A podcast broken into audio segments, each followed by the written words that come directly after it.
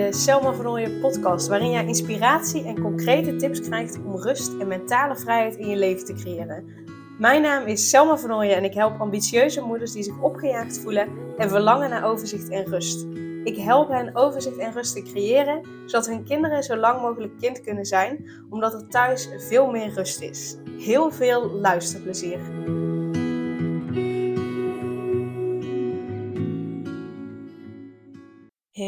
Wat fijn dat je weer luistert naar een nieuwe aflevering van de Selma Vernooien podcast. En ik help ambitieuze moeders die zich opgejaagd voelen en verlangen naar overzicht en rust. Waarbij ik hen help om die overzicht en die rust weer te creëren. Zodat er thuis veel meer rust is, waardoor hun kinderen zo lang mogelijk kind kunnen zijn. En vrij en gelukkig op kunnen groeien. En vrije, gelukkige en zelfverzekerde kinderen en volwassenen kunnen worden. En dat doe ik onder andere met het werk met innerlijk kind, het werk met overtuigingen en het geven van rijke behandelingen, dus energy healings. En in deze aflevering uh, wil ik eventjes terugpakken op een hele tijd geleden, uh, aflevering 2 van deze podcast. En uh, als je die nog niet hebt geluisterd, raad ik je zeker aan om die eens te gaan luisteren. Want die gaat over um, ja, hoe je weer van je lijf gaat houden. Want ik heb zo vaak vrouwen gehoord nou ja, die, die hun lijf afkeuren. Zeker als ze bijvoorbeeld bevallen zijn, dat ze weer opnieuw hun lijf moeten leren kennen.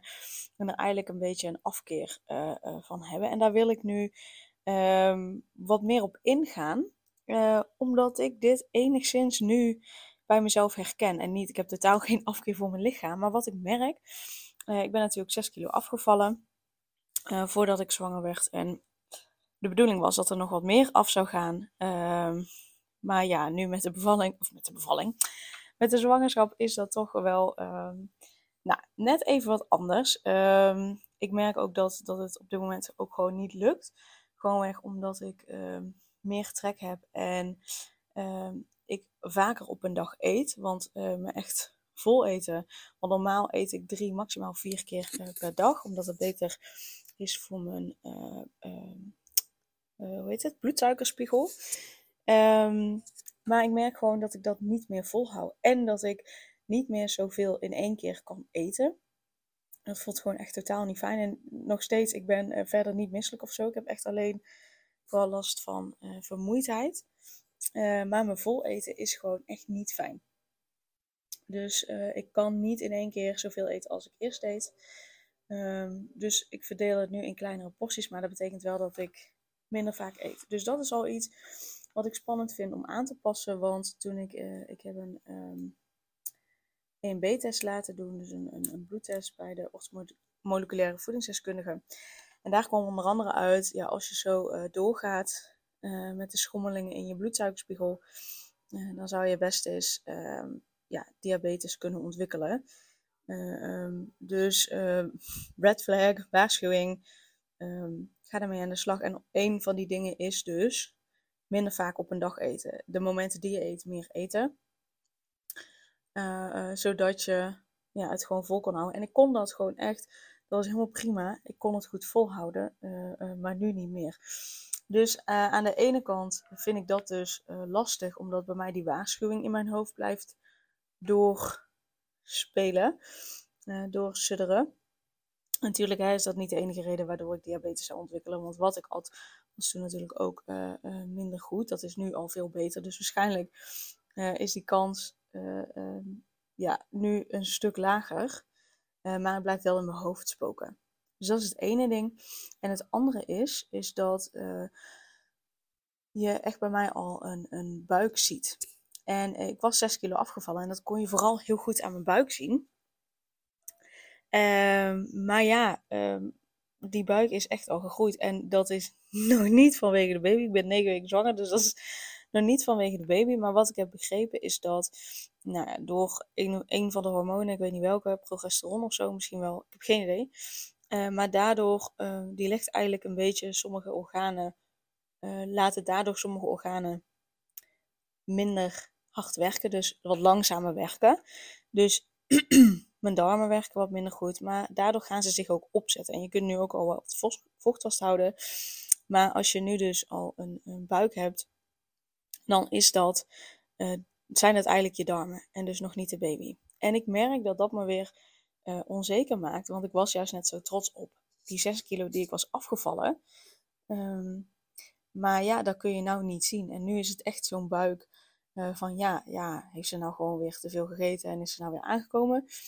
Of uh, is ze zwanger? En um, de mensen in mijn omgeving weten dat ik zwanger ben, dus dat het uh, nou, daar waarschijnlijk van komt. Maar ik merk wel dat ik dat zelf dus lastig vind. En um, dat ik dus, we zijn gisteren, Daan en ik zijn gisteren um, naar de wellness geweest. Dat hadden we al uh, gekocht en geboekt voordat we wisten dat ik zwanger was. Dus um, het is wel heel relaxed, het is wel heel erg fijn. Maar ja, als zwangere uh, mocht ik niet heel veel. Ik ben namelijk ook geen reguliere uh, saunaganger. Dus uh, dan raad je het meestal niet aan om naar de sauna te gaan. Als je dat vaker doet, dan kun je best naar de sauna gaan. niet te veel, niet te vaak, niet te lang. Maar dan kan het wel. Dus ik durfde dat nou niet, doen, niet te doen. Nou, heel veel dingen mocht ik ook gewoon niet. Dus ja, waar ik in mocht waren, waren de paden, zolang ze niet warm waren. Um, het was verder wel heel relaxed, toch? Maar wat ik merkte was, en ik heb daar ooit ook een keer een podcast over opgenomen, maar dat was in mijn uh, vorige podcast, toen ik nog uh, me richtte op een andere doelgroep. Um, en uh, toen had ik echt zoiets van, ja, heerlijk. Ik, ik, ik had geen gêne of zo. Wat je heel vaak dan ziet is dat mensen, dan gaan ze een bad in dan trekken ze die badjas weer aan. Dan gaan ze naar het volgende deel, dan trekken ze die badjas weer uit en dan gaat het de hele tijd zo. En ik dacht echt, oh my god, ik ga niet de hele tijd dat ding meezeulen. Ik ga niet de hele tijd het ding aan en uitdoen. Uh, ik ga ook niet omdat het dan iedere keer nat werd. Nou, als ik ergens een hekel aan heb, is uh, een natte badjas aantrekken. Als je dan vervolgens gaat lunchen bijvoorbeeld. Um, dus ik liep daar gewoon in mijn naakje rond. En ik merkte nu dat ik dat ook wat lastiger vond. Um, ik heb het wel gewoon gedaan, omdat ik dan denk, ja, lieve schat, je hebt niks om je voor te schamen. Uh, maar ik merkte wel dat daar een verandering in zat.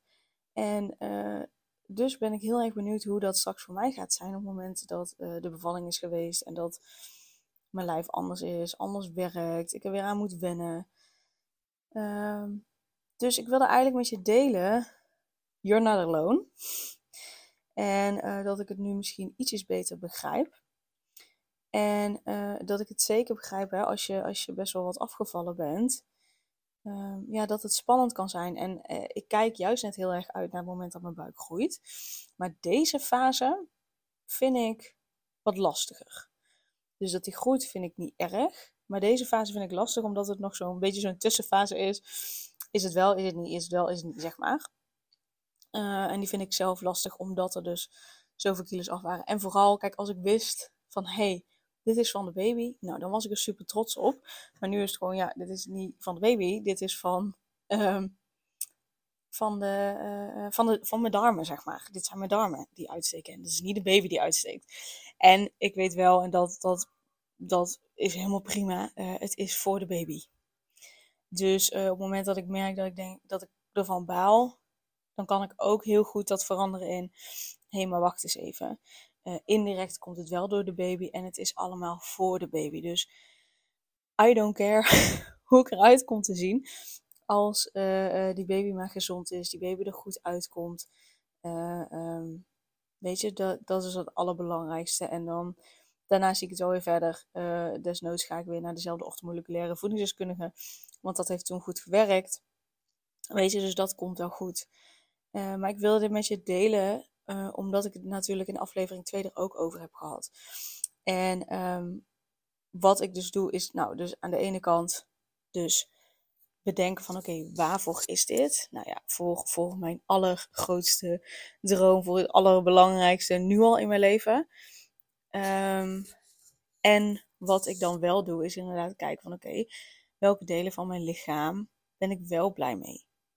Nou, vooral mijn ogen, heb ik toen ook gezegd. Dus um, als je het herkent, ga vooral ook echt aflevering 2 luisteren. Uh, want ik kan het nu wel nog een keer herhalen, maar ik denk dat ik het toen in die aflevering juist gewoon al heel goed heb benoemd. Heel helpend heb gemaakt. Dus um, ja, ga die vooral luisteren. No, you are not alone. En um, ga ook echt wat doen met, die, uh, met aflevering 2 en de dingen die ik daarin vermeld. En ehm, ja, dit wilde ik gewoon even met je delen. Yes, dankjewel voor het luisteren en tot de volgende.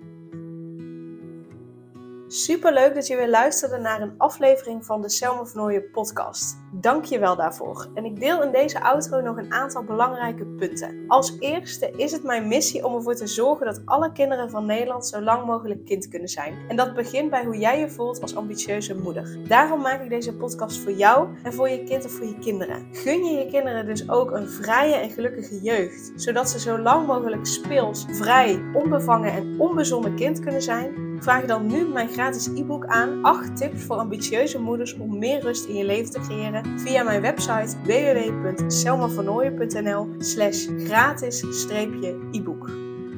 Ten tweede, wil je alle podcastafleveringen overzichtelijk onder elkaar en wil je als eerste op de hoogte gebracht worden als er een nieuwe podcastaflevering online staat? Abonneer je dan op de podcast door op de knop volgen, subscribe of abonneer te klikken. Ten derde, ondersteun je mijn missie en wil je ook helpen om alle kinderen van Nederland zo lang mogelijk kind te laten zijn? Laat dan een review achter in de podcast-app via waar je deze afleveringen luistert. Hoe meer reviews, hoe beter de podcast vindbaar is en dus hoe meer ambitieuze moeders en hun kinderen ik kan helpen. En tot slot, ken je andere ambitieuze moeders voor wie deze podcast interessant zou zijn? Deel dan gerust een aflevering met hen of deel een screenshot van deze aflevering op je social media en tag mij daarin. Wil je mij een vraag stellen of contact met mij opnemen? Dan kan dat via info.selmavernooien.nl of via het Instagram account Selma Nogmaals, super dankjewel voor het luisteren en tot de volgende keer.